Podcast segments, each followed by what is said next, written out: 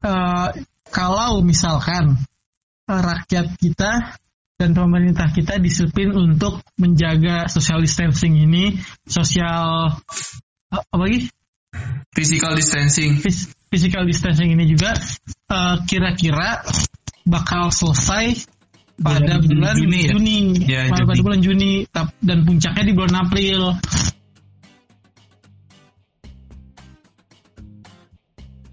Ya, Assalamualaikum warahmatullahi wabarakatuh. Selamat datang dan jumpa lagi bersama saya Ridwan Aliman dan saya nggak sendiri di sini. Saya bersama teman saya. Alan Zaki Ramadan Jadi gimana nih kabar-kabarnya? Ih, sehat nih sehat nih gimana nih selama quarantine yang udah berapa hari nih udah berapa hari nih kira-kira nih Kalau Dan- gua sih udah dari tanggal du- tanggal 16 ya. Sekarang tuh tanggal 20. Udah satu bulan satu bulan lebih empat hari nih gue kayak udah satu bulan ya? Gila gue nya satu bulan lebih kan kita terakhir tuh acara ini men. Oh. Event. oh iya wih wih benar benar benar. Kalau lihat gue ya kayak saya lebih sering keluar keluar nih memang. Siapa nih men? dengan ah, Lu ya? gue iya dengan alasan tertentu dengan ke kampus dan sebagainya yang kesibukan-kesibukan kampus yang belum beres gitu. Hitung-hitung dua minggu lah kira-kira ada di, ada di stay at home-nya iya sudah kecapean di rumah. ngapain aja tuh selama kan baru dua minggu nih karantinanya dua minggu sebelumnya emangnya ngapain aja Wah, gila. dengar ke Garut Oh iya betul. Emang kebetulan kan dia- ini kan beberapa tinggal di kampus. Saya sebagai senior di kampus menemani men- menemani ada tingkat untuk tinggal di sana karena mereka tinggal di kampus. Karena kampus gak boleh ada orang, jadinya kita dipindahin ke sana gitu. tapi ng- ngomong-ngomong nih ada mungkin bakalan ada juga pendengar yang nggak tahu nih lu tuh kampusnya di mana Oh boleh iya. nggak Boleh ya tuh. Sok sebutin.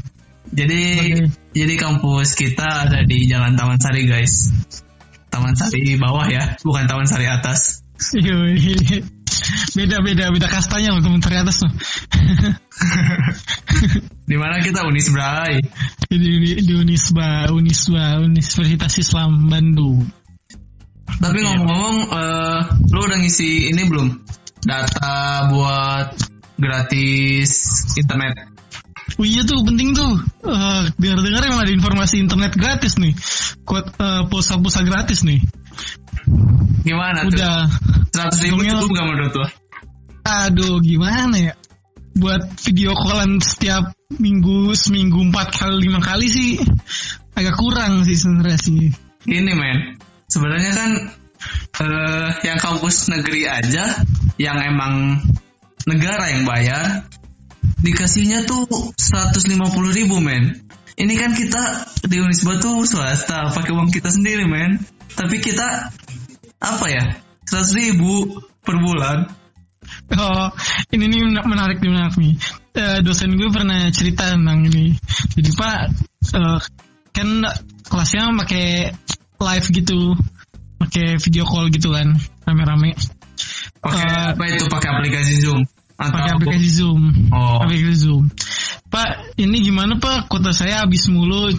eh, tapi gak ada subsidi apa dari kampus. Kata bap- bapaknya dengan dengan gampangnya ngomong, iya duit kalian udah dijadiin chat. Chat apa pak? Chat tembok gedung baru. Waduh, chat, gi- chat tembok gedung, chat tembok gedung baru dong. Tapi ngomong-ngomong itu tadi kan kita bahas Zoom ya. Katanya Zoom itu nggak aman men. Iya sih, tapi gue tadi baru nonton di video juga. Video apa? ke di videonya video podcastnya Om Deddy juga. Katanya buat apa juga data-data kita dia data-data data-data kita dilihat. Gak ada gunanya juga sebenarnya data-data kita dilihat juga Gua bukan orang penting ya. Iya, gue bukan presiden juga gitu. Mau dilihat mau enggak juga sama aja. Ya kalau menteri gitu kan menteri pertahanan bisa jadi. iya Tetap. nah kita Tapi lu ini pernah nyoba yang di websitenya Unisba belum? Eh kuliah Unisba. iya Yang sebenarnya tuh video conference. Iya tuh bener sebenarnya itu pilihan men tapi kenapa pada nggak make ya? Gue pernah pakai tuh men dan enak juga. Menurut gue sih itu lebih ham, lebih ringan daripada Zoom. Iya tadi tadi tadi sore pun tadi gue kelas PAI di kan agama Islam. Iya make itu website itu. Enjoy. Tapi kan? beberapa. Iya Iya. bagus bagus. Sebenarnya tuh kalau kita manfaatin fasilitas yang ada di Unisba juga enak sih. Dan itu juga kan bisa gratis kalau misalnya pakai kartu Telkomsel. Tapi kan nggak semua orang pakai Telkomsel, men. Iya sih bener yang 30 giga 30 giga itu ya. Iya, 30 giga satu bulan. Tapi kan Anda mengerti lah. Mahasiswa Iya. zaman sekarang ini seperti apa? Bukan zaman sekarang ya. Mahasiswa-mahasiswa ini seperti apa? Masa-masa milenial ini seperti apa? Telkomsel itu khusus untuk kalangan-kalangan yang menengah ke atas. Menengah ke atas, wow, segitu banget ya. mahal Tapi, mahal. Men, kita kita nih kita coba bahas perihal corona. Yes, lagi hangat nih. Iya. Karantin Untuk dari data terakhir tuh yang positif itu ada 6.760. Yang sembuh ada 747 dan yang meninggal ada 590. ini yang per kemarin ya. Ini hari ini, men. Ini hari ini. Iya, update. Ini Hmm. udah update terbaru, men. Banyak juga ya. Tapi ini untuk sekarang Indonesia yang sembuhnya itu udah lebih banyak daripada yang meninggal, men. Iya. Tapi nggak tahu juga sih ya. Sedikit sedikit gak yakin sama angkanya sebenarnya sih. Nah, menarik nih. Nggak yakinnya kenapa nih? Kita kita nggak tahu sebenarnya siapa yang yang ngetik data ini, bagaimana permainan di belakangnya. Bisa aja orang yang meninggal bukan karena corona, tapi dihitungnya karena corona bisa aja kan. Kita Ya. nggak nggak tahu menarik nih, men. Gue pernah baca ada ada artikel eh, di headline-nya itu adanya perbedaan yang dikeluarkan antara ID dengan pemerintah antara Ikatan Dokter Indonesia dan juga pemerintah. Jadi gue tuh pernah baca kalau menurut ID itu yang meninggal tuh udah lebih dari seribu men dan jumlah yang positif itu udah lebih dari sepuluh ribu. Wih, banyak juga. ya. Iya, kita nggak tahu, kita nggak tahu pasti kan angkanya berapa, yang meninggal berapa, jangan-jangan ada ada ada yang nggak kedata, apa ada apa ada yang kedata tapi bukan penyakit corona sebenarnya, tapi kebetulan di rumah sakit rumah sakit rujukan corona, jadinya dianggap corona gitu-gitu kan ada kemungkinan aja gitu. Iya, itu kan ngelihat gimana ya? Dari ini tuh gimana ya pemerintah? Antara pemerintah dan ID-nya saja dan dokternya saja kayak nggak ada kesinambungan gitu men. Kayak nggak cocok. Menarik menarik nih. Eh, jadi di di Jakarta sempat heboh nih kemarin beritanya. Tentang kan di Jakarta udah PSBB nih. Ya tapi lu nggak di Jakarta kan? Belum masih di Bandung. Oh. Bisa pulang memang. Di Jakarta udah PSB iya udah lagi PSBB nih. Ya terus gimana? Nah, eh, Pak Anies gubernur bilang bahwa eh, Gojek dan Grab nah itu. gua gua tahu nih gua ngerti ngerti. Tahu kan? Oke lanjut Gojek, lanjut lanjut. Gojek dan Grab itu nggak boleh bawa penumpang. Ya. Kan Pak Anies udah ngomong gitu. Sempat hilang itu apa gue sempat baca berita sempat hilang Beritanya. logo logo ini logo logo untuk dijemput orang di Gojek sama di Grab ya fitur-fiturnya itu kan Ah, nah, tetapi Pak Luhut sebagai Menteri Pertahanan bilang jangan. Nah ini aja ada ada perbedaan pendapat di atas. Nah kita sebagai rakyat kan bingung ya. Sem- Di atasnya aja begini, apalagi kita yang kurang informasi dan lain-lainnya gitu. Iya gitu men. Jadi apa ya?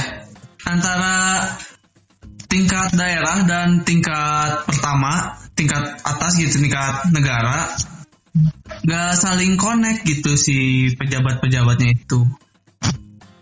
Awalnya kan Pak Anies tuh gini ngasih nge, nge, nge- buat ngelarang Gojek sama Grab itu bawa nggak boleh bawa penumpang kan. Tapi sama si Menhubnya dibolehin terus izin terus ke Menkes nggak diizinin juga ke Menhub nggak diizinin terus tiba-tiba Menhubnya yang eh maksa tetap dibolehkan gitu kan Hmm. terus tiba-tiba si aturannya itu berubah lagi men Iya. Itu yang buat kita ragu gitu. Pemerintah bisa nggak sebenarnya ngebantuin ngebantuin kita untuk menyelesaikan masalah ini gitu. Terus ini ada juga nih eh, kata Menhub lagi nih ya. Kata Menteri Perhubungan eh, memastikan KRL Jabodetabek tetap beroperasi. Itu gimana men? Itu kan ngelihat sendiri lah banyak di berita social distancingnya itu gagal men. Karena KRL ini selalu masih jalan-jalan aja. Eh, mungkin emang sebenarnya udah di ini loh. Jadi kan masalah KRL ya. KRL tuh sepenting itu loh di Jakarta karena emang yang kerja pun rata-rata pakai KRL gitu. Nggak semuanya punya kendaraan, jadinya mungkin bisa dimaklumkan karena emang para pekerja yang harus bekerja yang eh, yang diperbolehkan gitu kantor-kantornya kebanyakan menggunakan KRL. Tapi Tapi kan ternyata kondisinya kayak gimana? Ngelihat si eh, di jalan di antriannya itu kan numpuk banget men. Terus ngeliat di pasar-pasar masih pada di biarin, masih banyak orang berinteraksi tidak menjaga social distancingnya.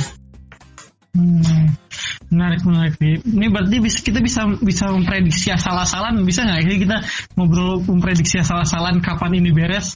Menurut lu bisa nggak? Bisa boleh Ya. sih. Opini kita aja lah ya, opini kita aja. Dan ini ada pendapat dari presiden juga nih men. Kita dan pemerintah. Oke, boleh dari- dari lu untuk dulu. Menjaga social Ini, distancing eh, ini. ini sosial. tadi diomongin sebenarnya sih. Apa lagi? Eh, Physical distancing. Physical juga. distancing Cuman ini juga eh, kira-kira bakal selesai pada Bulan bulan Juni Juni, ya? Ya, pada Juni. bulan Juni dan puncaknya di bulan April. Tapi kan kita bisa ngelihat rakyat kita kayak gimana. Dan sekarang pun masih belum nyampe puncak loh men. Iya, masih terus naik, ya kan? Ya, Belum jelas juga. kalau disiplin. Iya itu itu kok pilihan pertama nih, pilihan pertama. Dan bisa juga kalau misalkan eh, rakyat eh, pemerintahnya disiplin nih, udah tahu caranya untuk membenahi, tapi masyarakatnya tetap ogah-ogahan untuk nggak peduli lah, yang penting yang penting kita kerja gitu. Bisa-bisa bulan Juli Agustus beresnya. Oke. Juli Agustus karena itu kitanya masih kurang kurang gak peduli dan jika ini yang ketiga yang ketiga nih ya, dan jika eh, dua-duanya nggak peduli si pemerintahnya juga nggak tahu cara nanganinnya gimana si masyarakatnya juga nggak peduli itu tuh bisa sampai bisa perkiraannya perkiraan mahasiswa mahasiswa kita kita ini nih bisa aja sampai Desember tuh. Nah, gini men. Perkiraan kalau misalnya kita eh, mahasiswa-mahasiswa ini kan bilang perkiraan sampai Desember. Dan Presiden Jokowi pun sudah memperkirakan corona berakhir di akhir tahun. Gitu men. Pak Jokowi sendiri ngomongnya gitu. Iya, jadi eh, ada artikel menyebutkan Presiden Jokowi perkirakan corona berakhir di akhir tahun. Dan eh, untuk meningkatkan kembali ekonominya Presiden Jokowi pun Pres- Presiden Jokowi pun eh, ber apa ya memperkirakan pariwisata di Indonesia itu akan booming di tahun depan. Jadi setelah beres corona ini baru pariwisata di Indonesia semakin naik. Tapi dari Presiden Jokowi aja udah nyebutin prediksinya akhir tahun, men.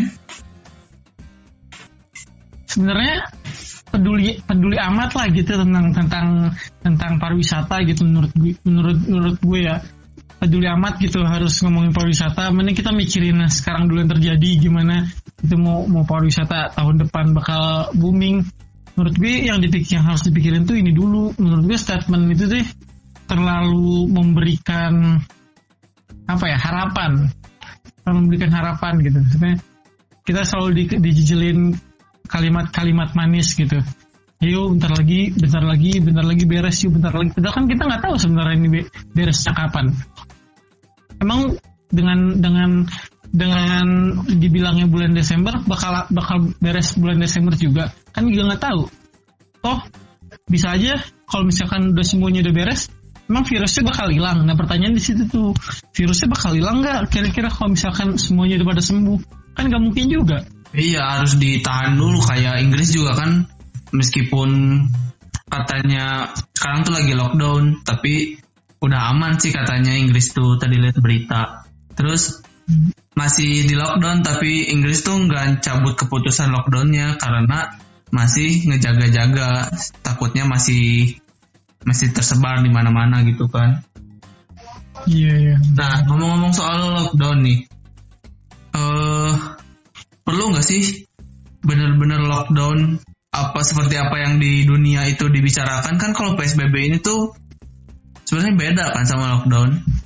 Kalau lockdown itu kan bener-bener 100% ditutup kecuali orang-orang yang nganterin-nganterin doang sampai-sampai mau buang sampah ke depan rumah aja dipantau kan kalau di luar negeri.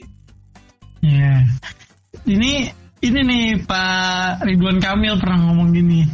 Eh Ustadz Agim Agim pernah pernah nanya lagi live live gitu sama sama Ridwan Kamil. Pak, bedanya lockdown sama PSBB apa? Kata Ridwan Kamil ngomongnya sama aja, cuman bahasanya diperhalus karena karena karena di undang-undang kita nggak ada kata Ada lockdown. Nah, gini, Jadinya PSBB. tahu nggak? eh ini cuma pendapat doang sih ya. Apa-apa. Tahu nggak. Tahu nggak kenapa pemerintah nggak menerapkan lockdown tapi diganti dengan PSBB? Kenapa tuh kenapa kenapa? Jadi menurut gua nih ya, pemerintah itu udah malu men. Dari dulu nggak mau nerapin lockdown. eh bisa dibilang kemakan kemakan omongan sendiri lah. Kalau dari gubernur Jakarta kan udah canangin buat lockdown, buat karantina wilayah karantina wilayah sendiri kan. Hmm. Dan Iya, iya. presiden pun nggak mau kan Hmm. dari jajaran atas itu nggak mau. Tapi sekarang situasi mendesak untuk lockdown dan pemerintah pun nggak mau mengambil keputusan lockdown, digantilah itu namanya menjadi PSBB. Hmm, namanya diganti jadi ya. Sebenarnya itu sama aja antara lockdown dan PSBB itu. Cuman ada pengecualian kayak beberapa sektor kalau di Jakarta itu ada 8 8 apa 8 pengecualian kan? Ya, sektor kayak sektor perekonomian gitu ya. Sandang logistik, pangan. pangan. Hmm, Kalau di Bandung tuh ada 9. Kalau di Jawa Barat tuh. hmm, yang boleh masih beraktivitas lah ya. Ya. Tapi apa ya? Eh dari kemarin-kemarin kan sebenarnya kita tuh baru nerapin social distancing dan physical distancing kan. Sebelum lockdown bener-bener. Eh, eh menurut lu eh, lebih mending mana? Bukan lebih mending mana sih? Antara lockdown dan physical distancing itu sebenarnya dua-duanya tuh sama-sama menurunkan ekonomi di Indonesia, men. tapi ya, Ya, tapi kalau sebenarnya harus lockdown. Lockdown itu emang jatuh-jatuhan kan ekonomi di Indonesia itu pasti bakalan bobrok. hmm, Eh, jadi ting- eh, selamatkan dulu masyarakatnya, selamatkan dulu kesehatan masyarakat, baru bangun eh, Perekonomian. perekonomian habis-habisan. Kalau misalnya physical distancing gini, emang si data kematian dan data positif itu jadi lebih landai mungkin ya kalau misalnya disiplin, lebih landai nggak naik drastis. Tapi jadinya lama dan ekonomi Indonesia juga turun lama jadi sampai kapan entah kapan terus terus turun terus nggak pernah naik tapi emang gimana ya? Physical distancing tuh cuma himbauan loh. iya himbauan cuma himbauan loh. Gue kira, eh, gue kira tuh emang ada penanganan khusus dari dari pemerintahnya gitu dari dari aparat turun gitu gue gak, gak boleh nongkrong gak boleh nongkrong gitu misalkan tapi tetap aja loh gue punya temen nih gue punya gue tergabung dalam satu grup WhatsApp olahraga lah ya sebut aja olahraga lah ya. Biar nggak menyinggung salah satu ini olahraga. Mereka tuh masih olahraga di luar kan masih melakukan olahraga di luar nongkrong sambil main gitu. Ya Ada karena aja. kan karena kan ini cuman eh, apa ya? Himbauan himbauan Himbauan, iya himbauan aja. Jadi ya boleh dong punya hak kalau misalnya mau keluar mau olahraga asalkan menjaga jarak gitu kan. Ya tapi ini kayak rame-rame gitu loh. Dan, dan polisi tuh lalu lalang di sekitarnya tuh gak ada yang negor gitu cuma lewat doang.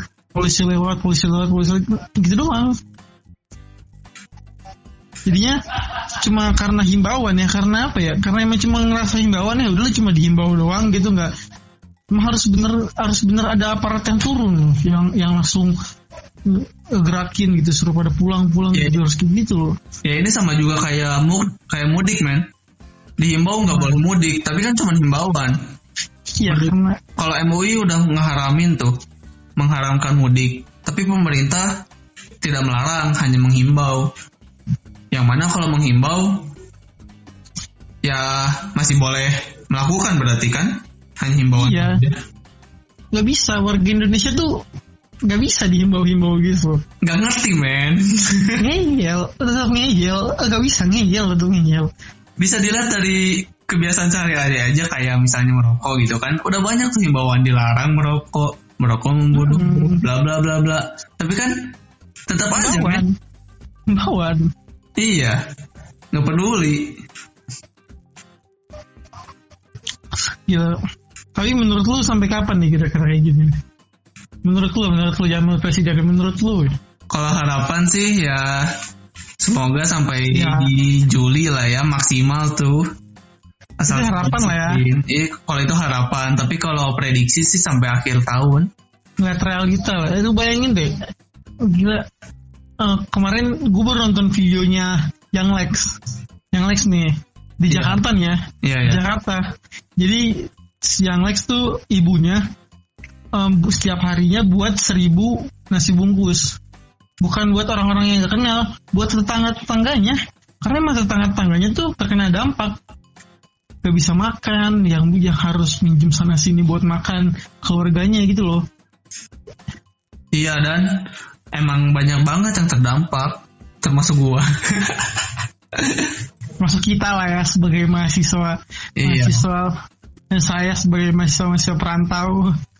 Bingung ya mau uang nggak ditransfer nggak uang mungkin sedikit gitu kan berkurang Berkurang, mau beli makanan pada tutup gitu kan Iya itu bener beli makanan pada tutup tuh mau keluar harus sedia hand sanitizer sama cuci tangan kalau pulang. Aduh. Dan orang-orang juga nggak peduli gitu di, di sekitar sini juga. Kalau ngeliat realitanya ya, kita ngeliat realita aja deh. Ya jangan jangan by the- ini realitanya realitanya juga orang-orang nganggep gue pernah datang pernah pernah beli batagor nih di pinggir jalan. Pernah beli batagor nih. Ibunya tuh ngobrol ibunya lagi ngegosip tentang corona nih. Gue cuma sebagai pembeli dengerin doang. Sambil nggak ngerti nggak ngerti ngomong apa dikit lah gitu. Ya tapi dia bilang corona itu penyakit orang kaya gitu. Orang miskin mah nggak bakal kena iya berarti sosialisasinya kan masih kurang. Orang-orang kayak gini masih iya ngerti kan. gitu. juga itu. Kalau dulu dulu sih mungkin waktu awal-awal nih ya masih kasus cuman di bawah cuma sekitar di bawah 100 nih masih sekitar 50 60 masih sekitar 10 segitu. Itu masih mungkin men pernyataan kayak gitu corona tuh kasusnya orang kaya kenapa karena yang biasanya kan ini tuh dari luar negeri kan dari Cina Hmm. dan yang memungkinkan untuk keluar kan lebih besar itu orang kaya yang habis liburan, kunjungan. Dan lu tau gak sih kasus kasus pertamanya di Jakarta tuh lagi apa? Yang di? Depok itu kan? Enggak, ada ada juga di Jakarta Selatan. Eh, kasus 01-nya tuh karena ada acara pesta dansa dari orang-orang internasional. Iya, iya itu juga kan termasuk pernyataan si ibu-ibu tadi itu benar berarti kalau untuk yang awal-awal. Cuman sekarang kan udah nyebar semua, udah se Indonesia loh, men udah 20 udah 34 provinsi di Indonesia udah udah kena semua. Dan Iya. sekitar 200 sekian negara udah hampir kena semua. Hmm. Banyak juga ya. Gila angkanya ngeri loh. Bisa 100, 200 loh yang naik. Iya. Ini juga di Indonesia juga kalau udah di tes semua nih, yang ODP, yang PDP udah dapet tes semua yakin tuh melonjak banget. Cuman ini banyak yang ini men, banyak yang sampai ada berita kan eh perawat medis terkena corona akibat dari pasien yang bukan pasien apa orang nggak ngaku kalau dia itu udah positif corona men Hmm, berarti iya sebenarnya lingkungan juga ngaruh. Jadi kan nih ini ini cerita terus storynya gue. ya. Jadi gue emang pulang dari Garut lah ya, pulang dari Garut. Tapi seenggaknya pulang dari Garut gue yang lain tuh pada pakai mobil gitu kan. ya Kan eh, si corona ini bukan airborne ya, nggak jadi nggak nggak mungkin kita kena di jalan kena angin tiba-tiba kena corona itu nggak mungkin tuh. ya nggak kena Ya. Karena harus bersentuhan kan. Pas Iya, bersentuhan atau barang. dekat banget tuh kurang dari satu meter kalau Iya, kena dropletnya itu kan bisa juga Nah, kan tapi itu kan kalau lagi di jalan mah mustahil kena lah ya gitu iyalah kan. Di jalan juga gitu kan. asal nggak keluar mobil.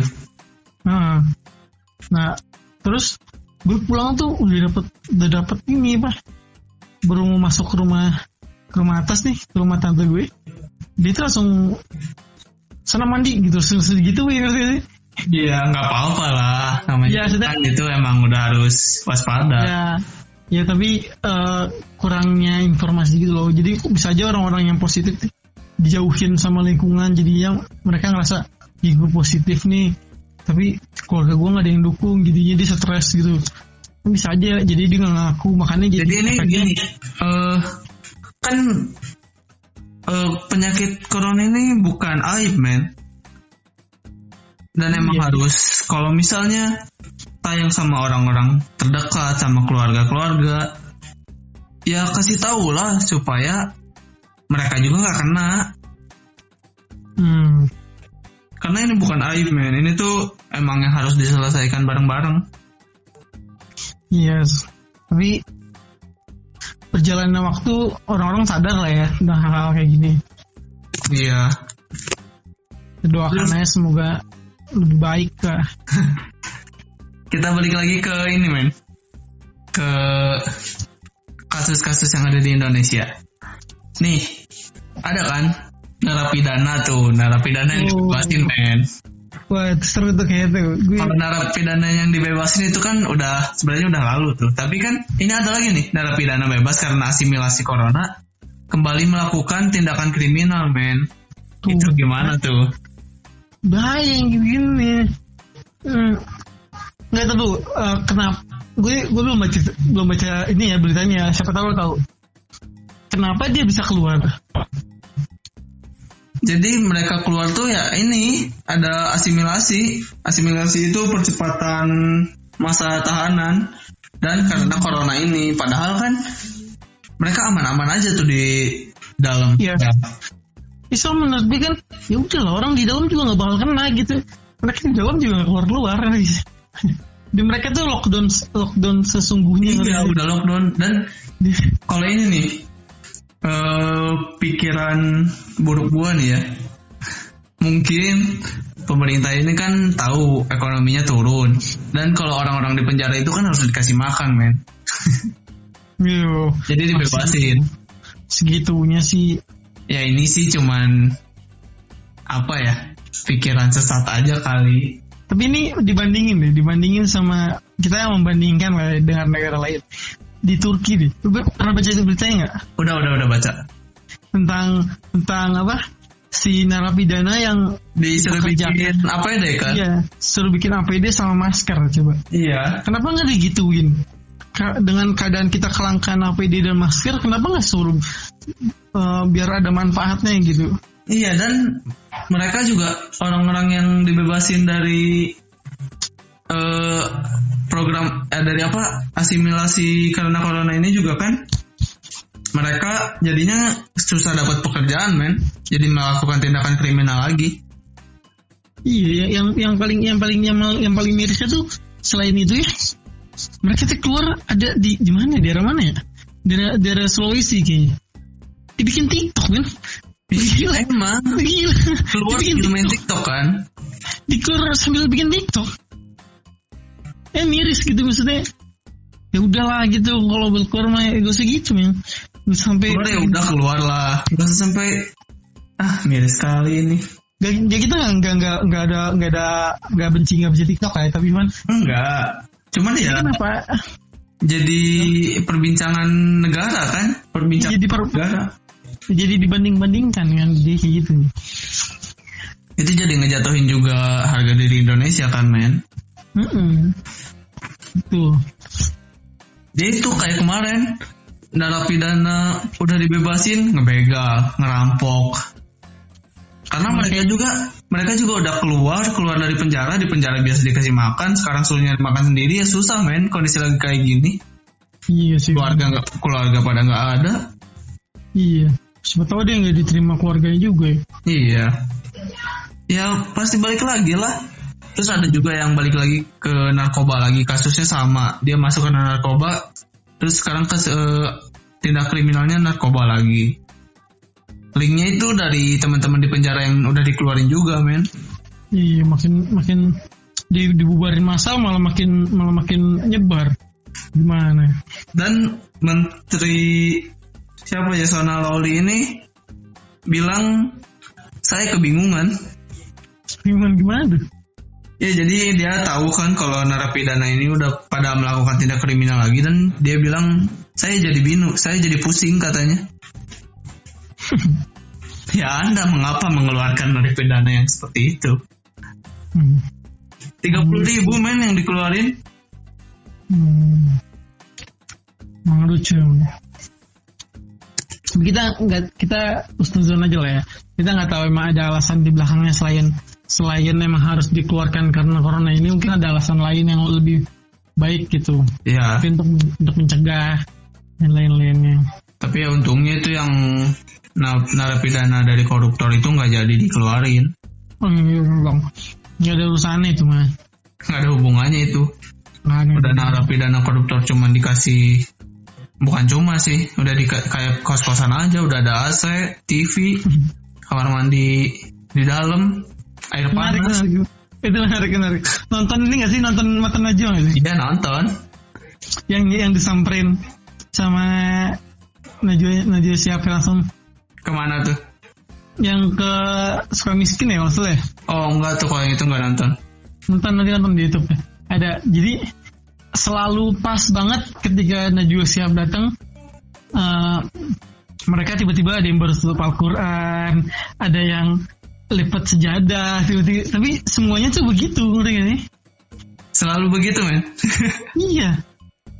Ya mungkin kita tahu ya kita mah ya mungkin emang pikiran-pikirannya sih ya, ya su- husnuzonnya sih oke Husnuzon, ya, mereka lagi ibadah. ibadah. Tapi tuzonnya ini kan gitu sama orang-orang dalam sel itu Najwa Shihab ada ini ada apa jurnalis jurnalis bersikap seperti pada umumnya Soalnya kan emang udah, udah sebelumnya udah pernah ke sana kan sebelumnya juga udah pernah ke sana kan iya Najwa Shihab nyamperin nov- novel ya Setia Novanto Ya, Setnov.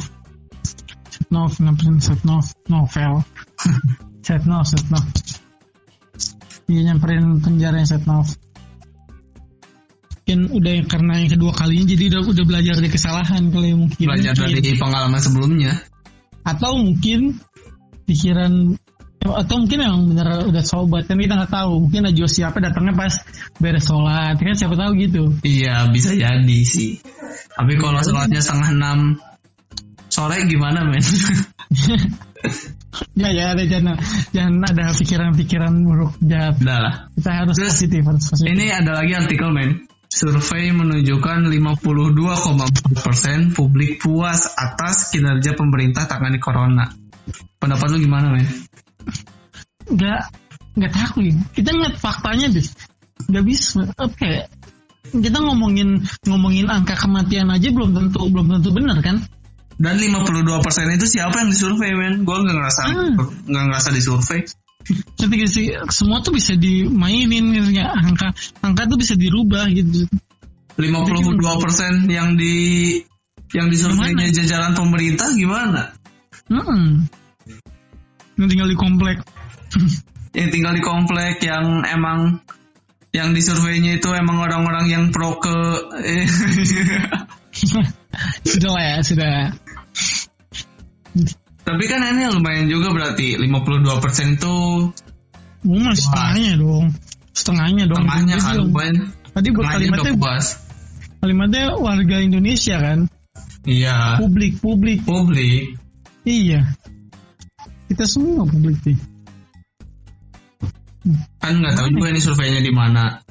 iya kan survei yang disurvei apa gitu Tapi menurut lo kinerja pemerintah ini udah berapa persen? menurut gue emang karena Berapa persen bisa dibilang puas? bukan berapa persen ya mungkin emang gue sebagai rakyat sama maklumi loh ini kan pertama ini eh, virus baru kedua kita nggak tahu cara nanganinnya gimana ketiga emang em, di luar pun emang lagi nggak tahu harus ngapain ngerti gak sih Ya tapi gini banyak kan eh, pernyataan-pernyataan dari Pak Presiden yang bertolak belakangan. Jadi pernyataan pertama dan pernyataan keduanya itu bertolak belakang. Kayak waktu itu pernah bilang eh corona masuk ke Indonesia kita sudah siap. Itu pernyataan dari Presiden dan beberapa beberapa apa ya beberapa hari kemudian atau beberapa minggu kemudian ada pernyataan dari menteri. Atau nih lupa siapa menterinya. Terus katanya tuh eh menyatakan negara mana sih yang siap tangani corona? Kayak gitu kan. Eh men. Jadi kan bertolak belakang. Hmm. Emang sebenarnya kata dokter pun karena emang ini baru, jadi emang susah juga untuk kita prediksi gimana gimananya. Setiap pendapat itu bakal bakal bisa berubah seiring dengan waktu. Misalkan kita ngomong nih sekarang, tenang aja, besok besok beres kok gitu misalkan misalkan aja besok beres kok udah ada udah ada udah ada vaksinnya kan tiba-tiba pas dicobain vaksinnya gagal berarti statement minggu depannya berubah lagi bisa aja soalnya soalnya karena ini hal baru iya tapi banyak banyak banget nih statement yang beda-beda. Nih kayak gini kan ada Jokowi instruksikan Menteri Terawan Menteri Kesehatan untuk bersikap terbuka. Terus di pernyataan berikutnya di beberapa minggu kemudian menyatakan eh, sejak awal kita tidak pernah tutup-tutupi masalah corona. Oh ini jadi yang pertama itu yang eh, menyatakan sejak Pak Jokowi ini Pak Jokowi sendiri sejak awal kita tidak pernah eh, tutup-tutupi masalah corona. Tapi beberapa minggu kemudian Pak Jokowi minta instruksikan Menteri Kesehatan untuk bersikap terbuka. Hmm. Jadi kan bertolak belakang banget men. Katanya disuruh terbuka, katanya nggak pernah tertutup tapi disuruh terbuka. Gimana tuh? Hmm. agak bertolak belakang ya Iya. Paham juga tuh sebagai lo sebagai orang pemerintahan di Unisba gimana gimana gimana tuh tentang Jadi gini men, kalau kalau masalah politik itu birokrasinya juga main. Mungkin menurut Pak Presiden sudah diinstruksikan sedemikian, tapi tidak sampai ke menteri-menterinya itu. Hmm. Ada kesalahpahaman, ada miskomunikasi.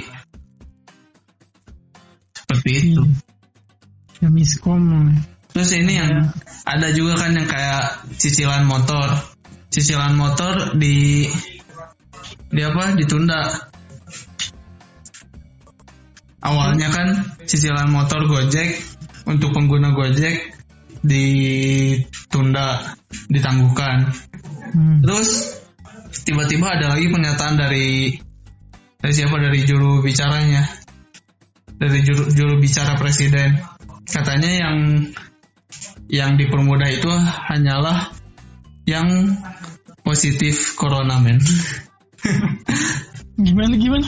jadi ini cicilan kendaraan motor dan kendaraan bermotor dan juga rumah itu bisa ditangguhkan di nanti di diakhirkan tapi kan pihak-pihak dari bank nggak mau tuh nggak setuju terus ada lagi pernyataan untuk yang ditangguhkan itu diprioritaskan untuk yang terkena corona saja Oh, yang positif corona emang Ya kali- ngeras ya kali harus positif corona dulu baru nggak bayar nggak Iya. bayarin cicilan. Iya. Terus ini gimana nih ada yang bilang kan Ramadan eh, tidak perlu puasa. Nah itu dia tuh. Gak lah ya masa Enggak lah ya, tapi itu kayaknya kemungkinan nggak nggak akan dikabulkan, iyalah nggak akan harus kayak gitu. nggak bisa ngeluarin fatwa. Enggak, itu kan sebuah hal kewajiban lah ya. Udah ditulis dalam Al-Quran, gak bisa, gak mungkin gak bisa lah harus kayak gitu. Semudah itu merubah perintah gitu. Hmm. Tapi kalau misalnya masjid-masjid yang ditutup sepakat nggak? Karena pernah nanya gue, jadi kemarin sempat sempat nanya sama sempat sharing sama eh, yang lebih senior lah ya, senior di masjid gitu. Sempat nanya, misalkan eh, itu gimana? Misalkan nanya tentang sebenarnya sharingnya tentang tentang jumatan, tentang jumatan misalkan.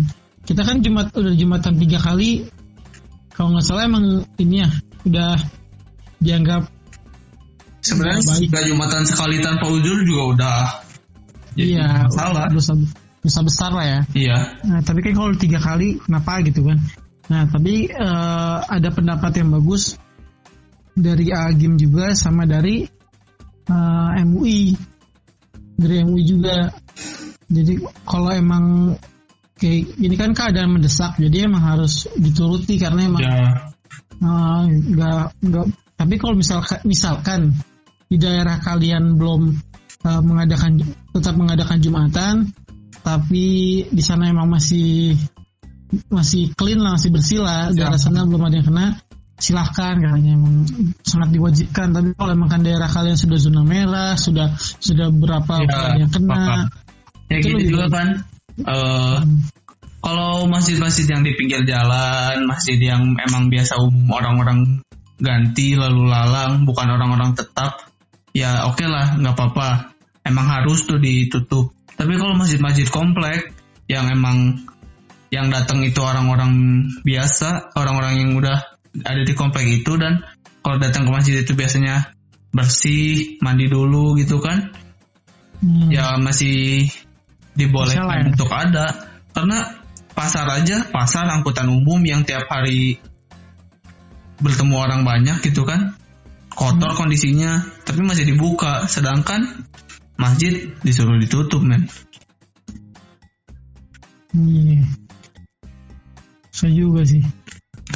Banyak banyak ini banyak kita lihat nanti deh. Kita lihat nanti PSBB ini efektif apa enggak. Dua minggu kan PSBB di Jawa Barat ini di Bandung. dua minggu Dua tapi minggu, masih bisa minggu. ditambah juga Iya kita lihat maksudnya efektif kan nih lockdown yang dibuat dengan kalimat PSBB ini efektif gak kita lihat dulu. Gitu. oke jadi cukup cukup ramai juga kita perbincangan kali ini ya Terus sebelum itu kita doakan dulu ya kan. ya mari kita doakan. Semoga harapan dari dulu deh. Harapan dari gue ya semoga ini cepat beres lah ya. Kita capek di rumah mulu gitu.